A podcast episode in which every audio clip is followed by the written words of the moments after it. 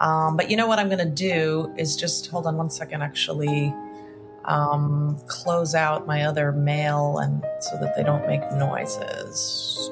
Yeah, flight mode is a good idea. Okay. Let's roll. Welcome to another episode of the Middle East podcast. Now, the Middle East is a large area from Iran in the east to Morocco in the west, where the Mediterranean meets the Atlantic. And that's where we're going to focus today Morocco, a country uh, numerous people have visited, but that is generally not that well known. So today's discussion will be on Morocco, its place in the region, what kind of country it is, uh, the politics, and some stuff like that. And to do that, to help us do that, we can congratulate ourselves to having picked the very best person to discuss this with. Sarah Feuer, uh, analyst and researcher and colleague of mine at the Washington Institute for Near East Policy, uh, with us today from Tel Aviv. Sarah, welcome to the Middle East podcast. Thanks for having me. It's a pleasure. So let's uh, open up by a pretty recent event.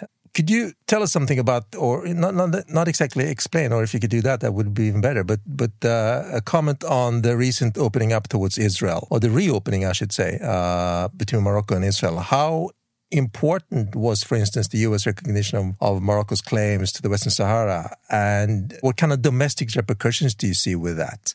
Is this something that really uh, is, is, is popular in Morocco? Uh, are people sort of geared to uh, normalize relations with Israel?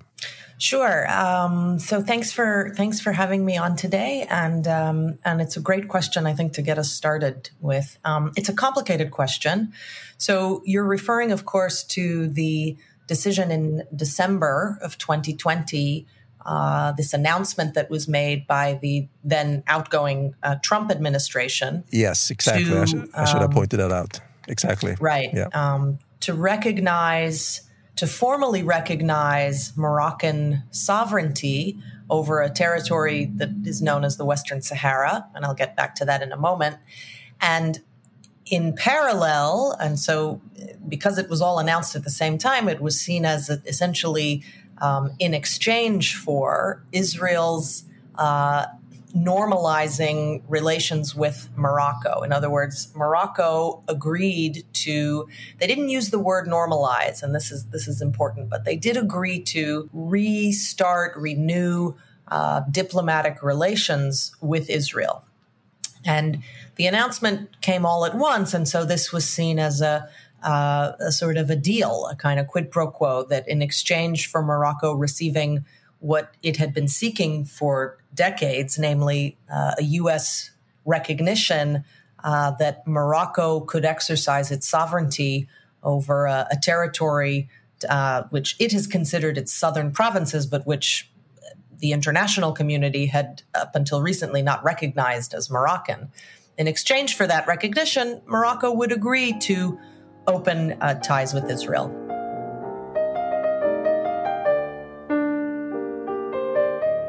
So you asked about um, sentiment within Morocco. And I think, as with most countries in the Middle East and North Africa that have contemplated opening ties with Israel, some of which have taken those steps uh, in recent years. You know, the, the sentiment is mixed. Within Morocco, I think there is a sizable segment of the population. It's a, a country of about 36 million people.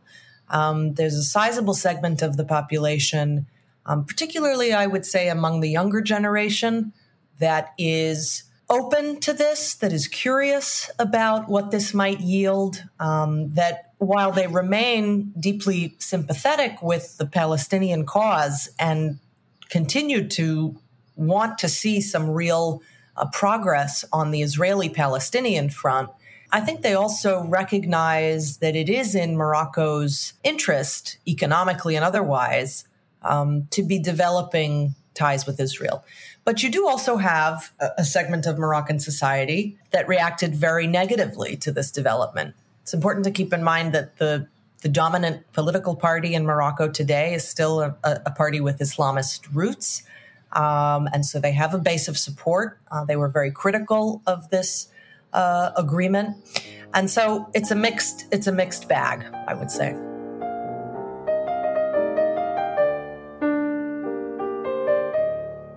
Let's backtrack a little bit. In 2016, the king forced the departure of Abdelilah Benkirane, the prime minister and chairman of the largest party, PJD. And recently, the new deal with Israel seems to mainly have been decided in the palace. In other words, how would you describe the balance of power between the royal court and the government? And do you see any significant signs of more democracy in Morocco? So, the balance of power between the palace and political parties, I mean, one thing that's important to keep in mind is that, I mean, since Morocco emerged as an independent state uh, in the 1950s, it had been under, uh, it had been a French protectorate for many years. But at, since its existence as an independent state, um, matters of foreign policy, religion, religious policy, um, and security, that is to say, the armed forces, uh, responsibility for the countries monitoring the borders, and so on, has resided in the palace. Okay, that's not new. Over the years, though, you have seen uh, that. I mean, Morocco has a very kind of pluralistic political system in the sense that there have always been multiple political parties. This was a decision by the, the current king's grandfather upon gaining independence, there was a conscious choice to make sure that you didn't have a system that was dominated by a single political party, as we've seen in some other uh, Arab countries. In Morocco, instead, you've always had sort of boisterous, rambunctious political parties. Their their authority has been fairly uh, circumscribed. And I think it's fair to say that, you know, in the sort of evolving division of labor and division of political power between the palace and the parties, 2011, you know, the year that we saw these uprisings across the region and uh, including in Morocco, which had its own sort of variant of an Arab Spring, there was a bit of an opening. And I think the political parties came out of that experience with a bit more power. But for decisions in the realm of religious policy, foreign policy, and security, nothing changed. And so, you know, you mentioned very rightly that this was a decision uh, to, to, open ties with Israel that was taken outside the the context of the, the, the the government. It's just simply not something that the Moroccan government would have the authority to kind of weigh in on. And it has put the PJD, the party that you cited, um, Benkirane's party, although he's now, he more recently um, suspended his membership for other reasons, but that it has put that party in in quite a difficult situation because they cannot come out and overtly uh, criticize the king or criticize decisions on the part of the palace, and on the other hand, they have to appeal to their base of support, which, as I mentioned earlier, is quite upset by the normalization agreement.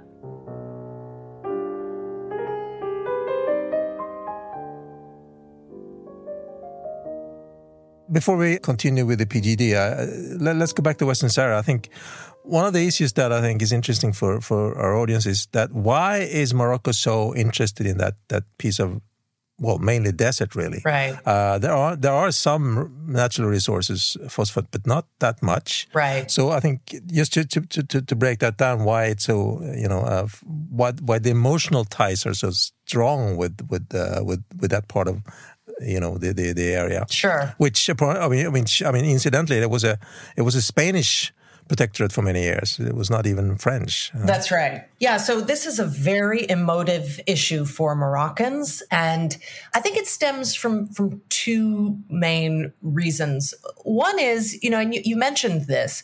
In fact, there are thought to be considerable resources um, in the in the Sahara. Um, you mentioned the phosphates. Uh, the Moroccans want to be able to take advantage of uh, the fisheries along the coast there. There's a long coastline um, that the Sahara would give them access to.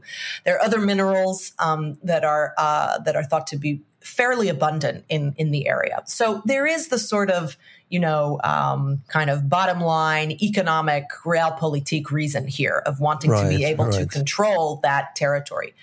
But I think the second reason is is more historical and perhaps emotional. I mean, if you look at very old maps of um, what later became sort of modern day Morocco.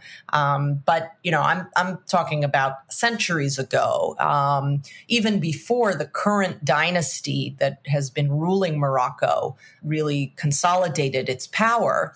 Um, you will notice on those uh, older maps that the, the, this this territory, the, the the kingdom as we've known it, did include a big chunk of the Western Sahara. And so, from the Moroccan standpoint, there is also a historical claim here that going back centuries, this has been an area that they have identified as um, as belonging to their uh, their homeland. Now, of course, you know, history goes through lots of different um, ups and downs, and and as you mentioned, the, the, Spanish had actually established a colony there. It was known as the Spanish Sahara for many years until the decolonization movements um, came about, and the main competitor to this territory has been uh, an, an indigenous movement known as the Polisario, um, which created, which established itself in the 1970s and uh, has essentially said that, you know, we are an indigenous people here, the Sahrawi people, and we ought to be able to decide how to uh, govern the territory. Now, they have gotten support over the years from Algeria next door, and this has been a cause of um, major hostility between Morocco and Algeria Incidentally, two states with both of both of which have considerable militaries, and you know, we it, it's not really in anybody's interest to see these countries um, go to war.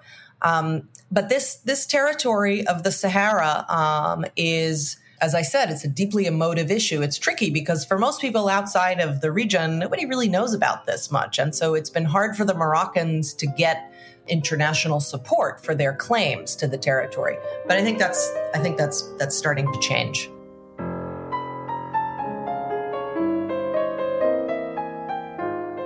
You, you, mentioned Algeria here, and that, that, that brings me into the you know a, a point, the security issue. Yeah, I mean Algeria and Polisario uh, has at least for the past well 15 20 years now ties with various islamist organizations in in, this, in, in, the region as well. And compared to other countries morocco has been quite successful in countering these threats. I mean compared to both tunisia and algeria morocco's done a good job here. Why do you think that is? I mean why have why have morocco been so much more successful in in, in in sort of handling this threat uh, than other, despite the fact that the ties with uh, these organizations in Algeria has been quite substantial. Yeah, yeah. So it's it's a, it's a great question, and and there's always this sort of um, you know why Morocco does seem to be somewhat exceptional um, in, in in several regards, but including on this on this point about how it has managed to deal with, for example, religious extremism um, and and terrorism. I mean, it has had it has had a homegrown terrorism problem. Um, there are there is there are Islamist movements in Morocco, some of which have um, at times gone the violent route. I think one key ingredient here to keep in mind is that the Moroccan king is not only the head of state, but he is also the chief religious authority in the kingdom. And he can claim that um, in large part because the family from which he hails is, is claimed to be a descendant of the prophet. So the ruling dynasty has a kind of built in religious legitimacy. And I think to varying degrees throughout history, this has enabled the regime to essentially shield itself from claims that it is not sufficiently Islamic, for example, uh, a claim that many Islamist movements and, and some more radical fundamentalist ones have often argued about um, leaders in the region. So Morocco has been able to sort of has had this buffer in a way of its own religious, the religious identity of of the kings, um, and that has helped. But it hasn't made the country immune from terrorism and from radical Islamism. And I think there, you know, in large part, this is the, the fact that, that Morocco has managed the problem, I think, better than than many others is really a, a testament in large part to its security apparatus within the country. Um, it has developed its own intelligence apparatus um, very significantly. Um, and it's it keeps a very good pulse on uh, on developments within the kingdom. This, of course, on the other hand, uh, has led many to to be critical of the kingdom in in that it is at times it will clamp down on journalists, free speech, um, and so on. So it's you know two sides of the same. I think um, of yeah, the same it's a mixed coin. bag, right?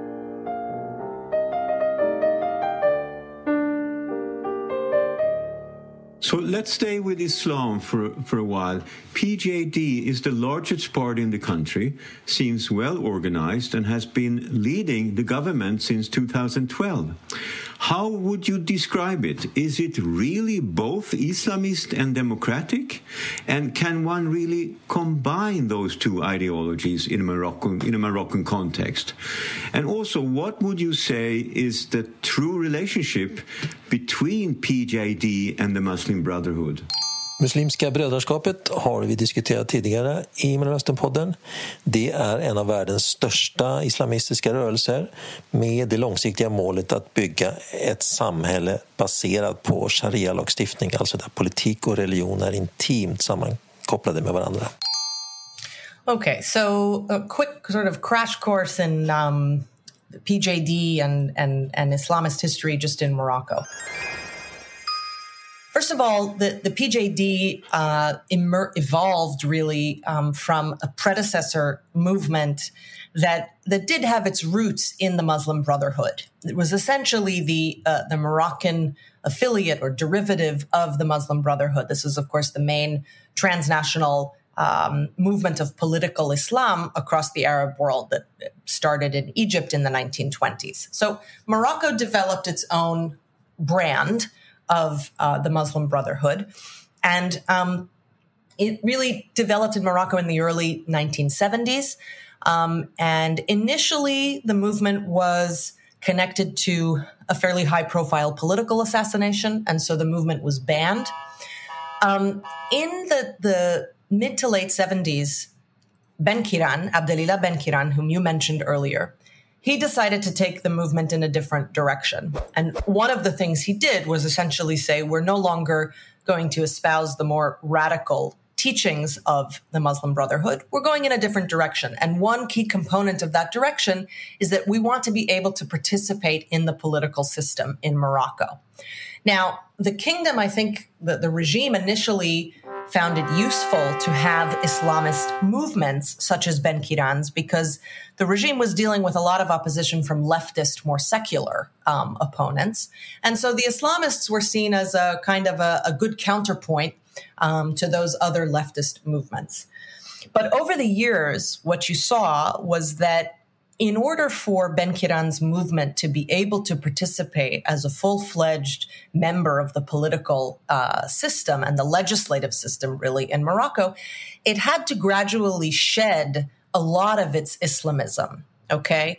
And so one way that it did that was in splitting into two. And essentially, the PJD, what is known as the PJD, the Party of Justice and Development today in Morocco, is the political wing of a movement that also includes uh, a branch in civil society called the Movement of Unity and Reform. And so the basic bargain here was that the PJD could participate in the political system and it would not invoke uh, Islam too much. It was known to be a conservative party, but it wouldn't rock the boat. And on the other hand, its civil society arm, the Movement of Unity and Reform, they would let them be active in society, um, be involved in Islamizing Moroccan society. And that split, I think, has allowed the PJD to remain um, really a key player. Today, however, I would say that the PJD is in an increasingly embattled situation internally. Part of this has to do with what we started out talking about the normalization agreement. This really created a lot of internal schisms within the party. Um, because you had members who were deeply opposed to this decision. And on the other hand, as I mentioned, the bargain here is that the party cannot oppose overtly uh, a decision of the palace if it wants to remain a political participant. And so it's in a real um, it's in a real bind. I think today it's not at all clear that in Morocco's uh, upcoming elections in the fall, they're slated to have legislative elections in September. It's not at all clear that the party is going to be able to retain, first of all, its own unity and uh, to retain the base of, of support that it has enjoyed for, for these these last at least these last 10 years since the uprisings in 2011.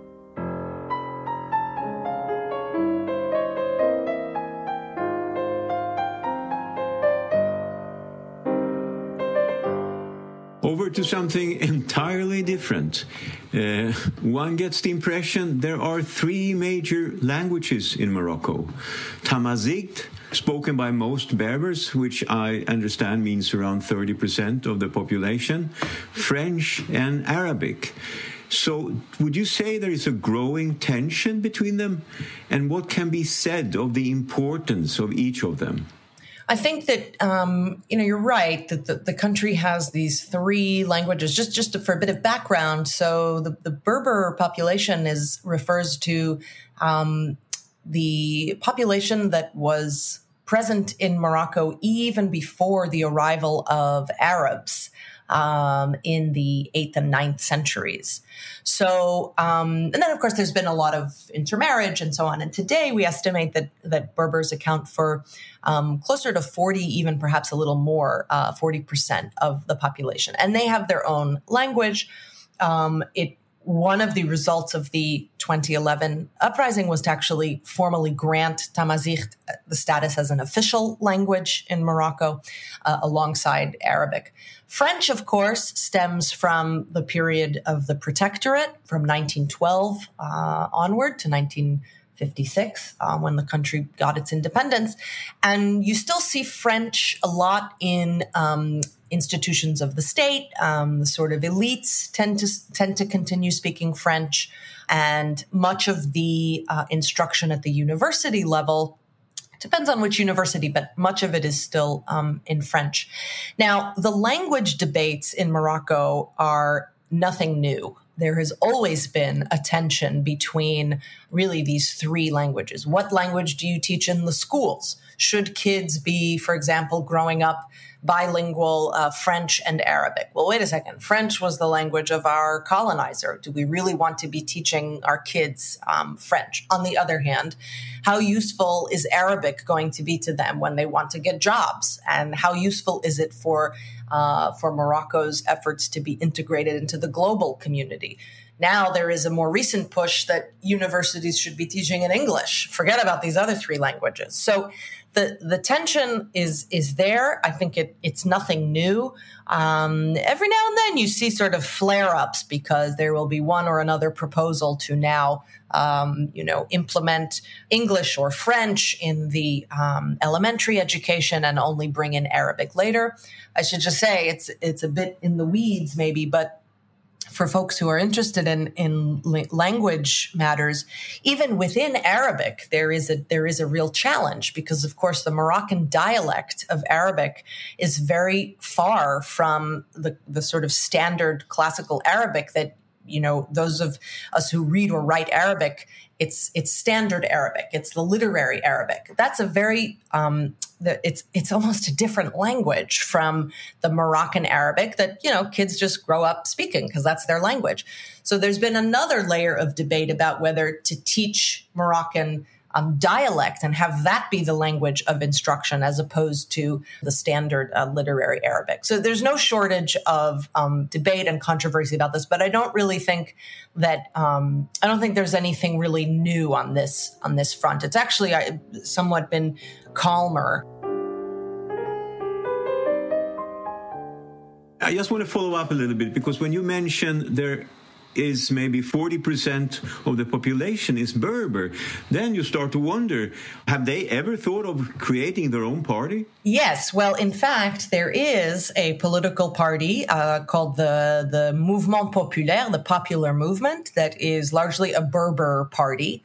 Um, that's been the most dominant one. Um, I think there may be a few other smaller ones, but the MP is is the main Berber um, party. And, um, you know, the, the Berber community has been trying to advocate for recognition of its own um, cultural heritage, its own language. As I said, that, that you know it was a big it was a big win in 2011 that the new constitution recognized their language as an as an official language.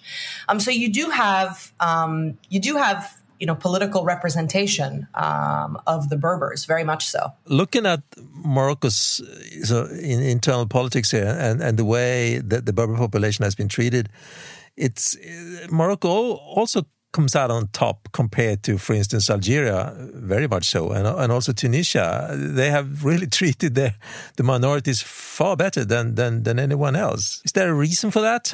well, I think historically, part of this had to do with techniques um, that that really the monarchy used to try to um, retain uh, support and to try to push back against certain um, sources of opposition. So, if the king could demonstrate that he was really the king of all Moroccans, it meant that he was going to have to reach out and appeal to communities such as the Berbers. In many respects, um, the Jews of Morocco have also been in, in a similar sort of have, have benefited similarly from a really a policy of um, appealing to the minorities in part. I mean, I, you know, I want to be careful here because I can't account for what what goes on inside leaders' heads or hearts and minds. Really? yeah, I, right. I, I, would I would be able to make a lot more money probably if I if I could. But you bet. Um, but I think that you know this has been partly an effort on the part of the Moroccan um, monarchy to um, present itself as uh, a, a, a ruler of all the different diverse Moroccan communities. Um, and it has also had a um, political calculation. Um, you know, appealing to the Berbers was a, a, tactic that also worked fairly well when it came to pushing back against Arab nationalists who were threatening the regime's legitimacy. You know, in the in the decades of the Nasser pan-Arabist uh, Arab nationalist movements sweeping the region, this was really seen as a challenge from the standpoint of the monarchy. And so, if the monarchy could reach out to other groups in Moroccan society to bolster its its own legitimacy, that was only um, that was only going to be a good thing. And so, I think it's a it's a combination of reasons why Morocco has managed its um, you know the relations with um, its minority populations perhaps better than others. Again though it has not been free of uh, serious bumps in the road. Um, and there have been there have been um, you know real um, challenges dealing with um, even separatist uh, movements in the northern uh, Rif region that mountainous region in the northern part of the state so the country has not been immune entirely, but I think you're right um, that relative to its neighbors, it has managed some of these very delicate relationships, I think, better than, than most.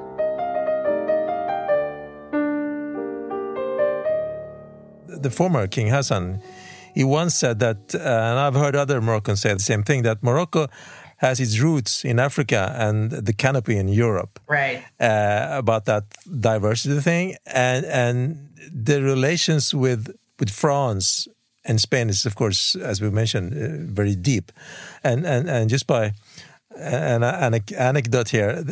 I don't speak Arabic the way you do, uh, but but even I could follow some of what they when they speak in Morocco because it's so infused with French. With French, that's right. yeah, right. It, it comes comes out all the time. But but the relations with France seems to be fairly good again uh, compared to compared to Algeria, of course, uh, uh and, and and and and Spain, and and that's brings me into another issue that is kind of an anomaly, really. The the Spanish enclaves, uh, Ceuta Melilla. You know, the, the fact that a European country still have two cities on the shores of a North African country uh, is is kind of kind of strange. Yeah, how is that possible? still in this day and age. Yeah, it's I think one of these sort of qu- historical kind of quirks that it ended up that way. Um, you know, and it's not without its occasional tensions. Um, I think, but I think, as you said, the relations that Morocco, um, you know, Morocco's relationships with certainly with France and even with Spain by and large, although there are occasional, you know, this latest dust up, for example, over the Spanish uh, meeting with uh, Polisario representative are, are indicative of, of some of these bumps that, that they come across. But uh, by and large, I think Morocco has wanted to maintain positive relations with its European partners. I mean, look, Europe is still its market. I mean, everything that almost everything that Morocco exports, although this is starting to change and it'll get me to your point on Africa, but you know, for for decades, Europe has been its leading market, and so it's important for Morocco to maintain a positive um, relationship with uh, partners in France and and and elsewhere and certainly the contrast with Algeria is pretty stark. Although Algeria, you know, what Algeria dealt with in terms of the French uh, colonial experience was far worse than what Morocco um, was subjected to. So there are historical, you know, key historical differences here. I think that also account for for the difference in in these relationships. But I'll just say a, a, a one or two um, remarks on on Africa because. Um, this is increasingly so. You're, you're, you cited the, the current king's father, Hassan II, who um, was king for basically from 1960 to 1999. He had a very long um, reign. And as he said, you know, Morocco has always had this very sort of special connection to Africa. Now, it really wasn't until the current king, Hassan's son, um, Mohammed VI, took, you know, ascended the throne in 99 that that Morocco really much more forcefully shifted its foreign policy attention to Africa. And so what you've seen in the last 20 years is a very concerted strategy on the part of the king to um, develop Morocco's presence, its uh, economic ties, its diplomatic relations with sub Saharan Africa. Um, part of this is economic. Part of this is about um, wanting to find new markets. Part of this is is uh, you know political and and diplomatic calculation. Um, Mohammed VI wanted to um, build support among African countries for his position concerning the Western Sahara, and he has he has largely succeeded in doing that. And so what what you find is that Morocco's um, links to Africa in the last 20 years have really um, taken off. The last thing I would say on this point is that, you know, to bring us back to King Hassan's quote, you notice that, you know, we mentioned roots in Africa. Um, it's got um, uh, the, the canopy in, in, in Europe. What we didn't mention is the Middle East. And this is, this is sort of interesting because, you know, under the current king, there has been a clear effort to sort of steer clear of much of the Middle East and uh, and the Arab world. I think that the again, without being able to get inside people's heads, I think that the sense was that the Middle East mostly produces headaches, and it's not really in Morocco's interest to get too deeply entrenched in inter Arab squabbles. Um, and, you know, this is an interesting factor when we talk about the, the, the very, it brings us back to the, the very beginning of our conversation about Israel normalization, the Palestinians, because in contrast to the king's father, Hassan, who was much more involved in trying to broker um, a peace between Israel and the Palestinians, the current king really hasn't wanted to be too much bothered with this. And so, you know, the latest move to re to jumpstart relations with Israel, he has had to be very careful because, and this is why they're not really calling it normalization, because as the leading religious authority in the country, um, as a descendant of the Prophet Muhammad, you know, he can't be seen to be privileging uh, or at least working against the interests of Muslims in Jerusalem. This is very important.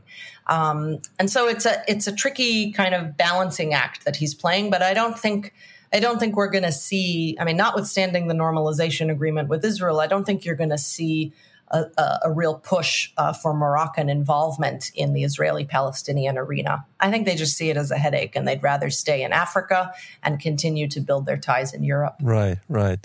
Now, it's interesting that you mentioned that. Uh, and, and one another thing that it's worth mentioning is perhaps that Morocco was the first country in the region who uh, recognized the United States of America in 1797, yeah, which they very right. often point out. That is right. they, they were, are very proud of that. Yeah, yes. very proud of that. yes. Ahead of many European countries.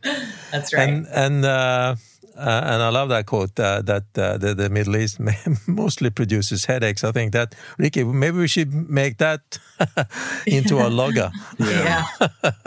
Wonderful uh, parting words. All right. Sarah, thanks a million Thank for you, taking Sarah. time. That was a pleasure. Yeah, it was a real pleasure. Thank you. We'll invite you back. Nästa avsnitt av Mellanösternpodden kommer torsdagen den 10 juni och då ska vi diskutera och samtala om Libanon. Välkomna då!